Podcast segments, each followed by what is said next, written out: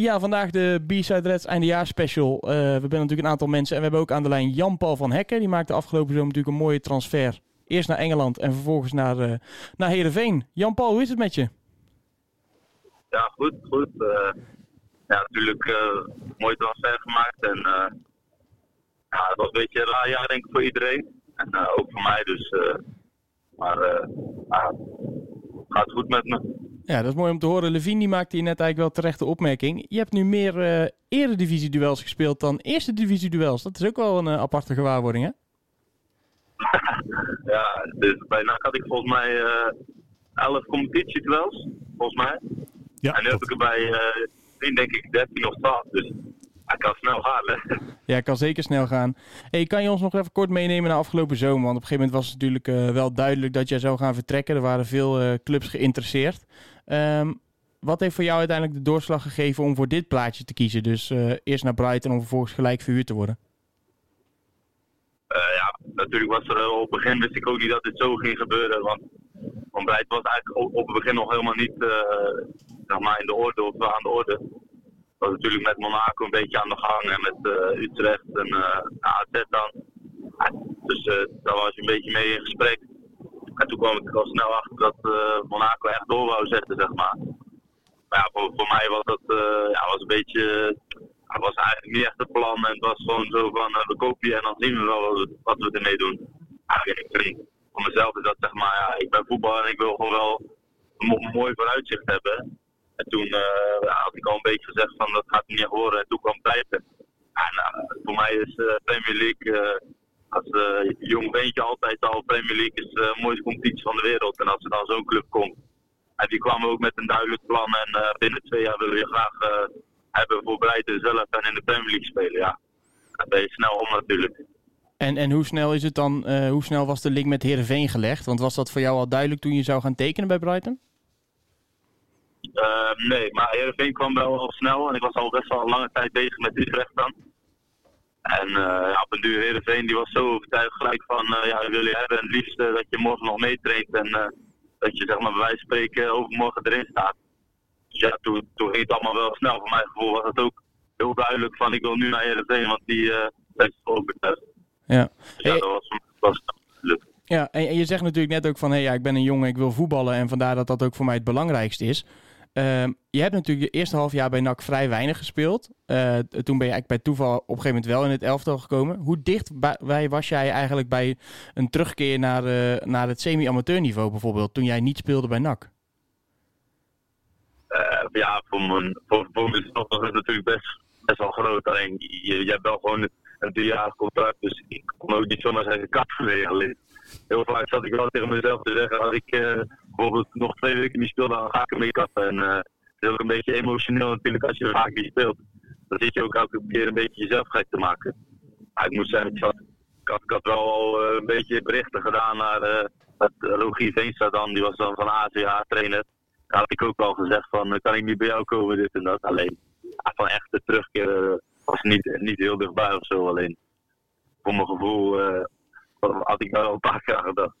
Maar je zegt uh, eerder hè, dat, dat Brighton met jou een plan heeft geschetst dat je binnen twee jaar naar de Premier League gaat. Dan is die ontwikkeling toch echt bizar snel, ook als je daar zelf naar kijkt. Nou ja, zeker. Zeker als je, als je daar nu naar kijkt, zeg maar, van uh, hoe snel het allemaal is gegaan. Als je zegt tien wedstrijden bij NAC dan. En daarvoor zat je eigenlijk al bij de amateurs. En dan nu speel je weer uh, elf wedstrijden bij Heerenveen en dan gaat het ook weer goed. Dus ja, je moet maar zien hoe snel het allemaal blijft gaan kom misschien ook wel een keer een stoppen, toch? Want heb je daar voor jezelf een beetje een idee? Want uh, uh, je weet natuurlijk op dit moment, ja, natuurlijk, je bent nog jong, je hebt nog geen idee waar je plafond ligt. Heb, heb je daar zelf al een beetje een, een, gevoel bij? Want volgens nog, als ik naar je kijk, lijkt het alsof je op ieder hoger niveau steeds makkelijk mee kunt. Ja, nou, nu, nu bij Heerenveen, dan, dan merk je natuurlijk, op het begin had ik wel zoiets van zo, dit is weer een stapje hoger alleen. Naarmate bijvoorbeeld twee weken train je mee, dan heb je weer het gevoel van hé, hey, dit, kan ik ook aan. Alleen ja, het is natuurlijk wel, als je zelf naar kijkt, is het wel bizar. Want als ik kijk waar ik 2,5 jaar geleden stond, dan stond ik bijvoorbeeld uh, tegen niet te spelen. En nu speel ik Ajax en PSV. En ja, dat, dat, dat klinkt voor ons al bizar. En als je het meemaakt, moet dat natuurlijk, natuurlijk helemaal bizar zijn. Hoe is dan het eerste halfjaar Eredivisie uh, bevallen? Jullie staan op een, op een achtste plek. Jullie begonnen natuurlijk vrij flitsend aan het uh, uh, seizoen. Misschien een klein beetje de klad ingekomen aan het eind? Ja, wel. Ja, zeker de laatste wedstrijden. We hebben nu al zeven wedstrijden niet gewonnen. We hebben al vijf keer gelijk gespeeld, maar het zijn wel maar vijf punten. En als je ziet dat we de eerste acht wedstrijden hadden we volgens mij al gelijk 40 punten of uh, 17 punten of zo. Dus ja, dan, dan zit er natuurlijk wel een beetje de klap in wat je zegt. Alleen, ik denk als je als Heerenveen in de achtste staat en uh, je kan nog gewoon naar boven kijken, dan uh, doe je het wel prima. En ik denk na de winterstop, als je weer een beetje, weer, volgens mij een beetje Fortuna RKC, dus kunnen we weer wel gelijk punten pakken en er goed inkomen. Dus ik denk op zich wel, wel prima doen. Ja, en, en hoe ga jij eigenlijk om met ja, het klinkt heel gek, maar met, met die lofzang die eigenlijk over jou klinkt. Hè? Want we noemden net al je ontwikkeling, maar ja, ook uh, op tv, uh, de analytici die je daar meenemen. Hoe blijf je dan toch met die beide benen op de grond staan? Nou ja, op zich, dat, dat, dat komt wel goed hoor. Het is nou niet dat ik nou denk dat ik zelf nou heel goed ben of zo alleen. Dus het, natuurlijk is leuk als ze over je praten, alleen is ook, als je, je weet ook als je één mindere wedstrijd speelt, dan is het gelijk dat dat iedereen weer kritiek kan hebben. Dus je moet er ook niet te veel aan hechten. Natuurlijk, ik vind het hartstikke leuk als iedereen positief is. Dat doe je het ook voor. Alleen je moet wel oppassen dat, uh, dat je niet gaat denken dat je nou, uh, nou alles aan kan. Uh, ben je al een keer goed op je plek gezet door, door Henk Veerman? Want dat kan hij wel volgens mij als ik hem zo op tv voorbij zie komen af en toe. Nou, valt, valt op zich wel mee. Natuurlijk, hij, hij heeft wel een mening en ik hou er ook wel van. Alleen het is er altijd terecht en is nou niet dat hij uh, over alles een mening heeft, dat hij nou iedereen uh, kan afzeiken. Alleen als, als er iets uh, moet, moet, worden gezegd, dan kan hij dat wel zeggen. En dan nog toch even kort over, over NAC. Ehm, volg je de, de ontwikkelingen van de club en hoe het nu gaat nog? Ja, zeker. Ik denk bijna elke wedstrijd nog gezien. En, ik ben eigenlijk ook klein ik ben eigenlijk gewoon een supporter dus. Oh, oké. Okay. NAC scoort, zo dus. Ja, heel goed. En, en dan, nou, dan heb je daar ook een mening over hoe het nu gaat. En, uh, en, en hoe alles binnen Breda nog, nog leeft. En de prestaties, toch?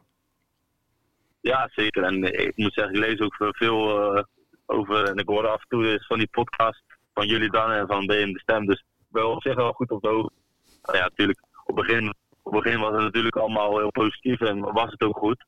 En nu de laatste tijd is het wel iets minder. Er komt natuurlijk ook wel grotendeels door corona alleen de laatste natuurlijk Dordrecht en uh, wat was het daarvoor? Dat het gelijk tegen Os. Ja, zulke, zulke wedstrijden moet je natuurlijk wel gewoon winnen. En ik denk, als je zulke punten niet pakt, ja, dan komt er natuurlijk wel wat kritiek. En dat is denk ik ook wel terecht. Ja. Ja, en dan is het natuurlijk die andere grote soap die nog speelt. Je hebt natuurlijk met hem gevoetbald, met, met Van Hooijdonk, en die, niet, die geen speeltijd krijgt. Heb jij veel nog contact met, met jongens uit de selectie en bespreek je dan dit soort dingen ook? Jawel, met Sydney heb ik nog wel eens redelijk contact. En met uh, Yassine dan nog wel een paar die ik af en toe spreek. Ik moet zeggen, met Sydney spreek ik dan wel het meest. Heeft hij, nog, ook, heeft hij nog gevraagd of je het nummer van Brighton of Monaco heeft? Of zover is het nog niet? Nee, dat heeft hij nog niet gevraagd. ja, maar als ik, als ik Sydney zou zijn, hoeveel goals heeft hij nu? 10 geloof ik? Ja. Ja, als, je, als je gewoon een beetje de kans krijgt en, uh, en het laat zien, ja, dan, uh, zou ik het wel weten, zou ik gewoon bij NAC blijven en uh, daar mijn goals erin schieten. Maar natuurlijk voor is het ook moeilijk en uh, snap het allemaal wel. Maar als ik, als ik, uh, als ik Sydney zou zijn, zou ik nu gewoon bij NAC blijven. En als je toch scoort bent met 10 goals, dan zou ik zeggen, dan moet je er uiteindelijk 20 maken. We zullen het doorgeven aan hem. Dan de laatste vraag. komend half jaar, hoe gaat dat voor jou eruit zien en wat wil je na dit jaar gaan doen? Blijf je dan sowieso bij Heerenveen of is dat nog niet besproken? Uh, nou, het is zeg maar, voorlopig is het gewoon voor een jaar uh, verhuren aan Heerenveen. En ik ben, uh, ik ben ook niet zo van heel erg vooruit plannen, want dat heb ik afgelopen jaar gemerkt, dat kan je wel gaan doen. Maar, ja, dat heeft bij, jou, bij jouw carrière tot nu toe niet zoveel zin gehad. En wanneer ben je dan wel tevreden aan het eind van dit jaar? Wanneer ik tevreden ben? Ja. Ja, sowieso als, als ik gewoon dit doorzet en dat ik uiteindelijk nog beter word dan ik nu ben. Ik denk dat het wel belangrijk is dat je niet stil blijft staan. Maar het komt ook, als je veel wedstrijden speelt, word je automatisch beter. En ik denk als team, ja, als wij voor die uh, Europese plekken voor play-offs kunnen meedoen, ik denk dat dat voor Heerenveen wel, wel goed is. En dat we de laatste jaren dat ook niet meer hebben gehad. Dus ik hoop dat wij voor die eerste acht kunnen blijven spelen. Nou, dat lijkt me een, En dan, ja, lijkt me een mooi streven als eh, eh, met Heerenveen zijnde. Eh willen jou in ieder geval hartstikke Ja. bedanken voor je tijd. Veel succes eh, het komende half jaar. En ja, eh, wie weet eh, tot ooit nog eens in, eh, in het stadion als dat weer, eh, weer mag. ja, kom goed. Zien sneller. Kom Is goed. goed. Dankjewel. Is goed. Hoi, hoi, hoi.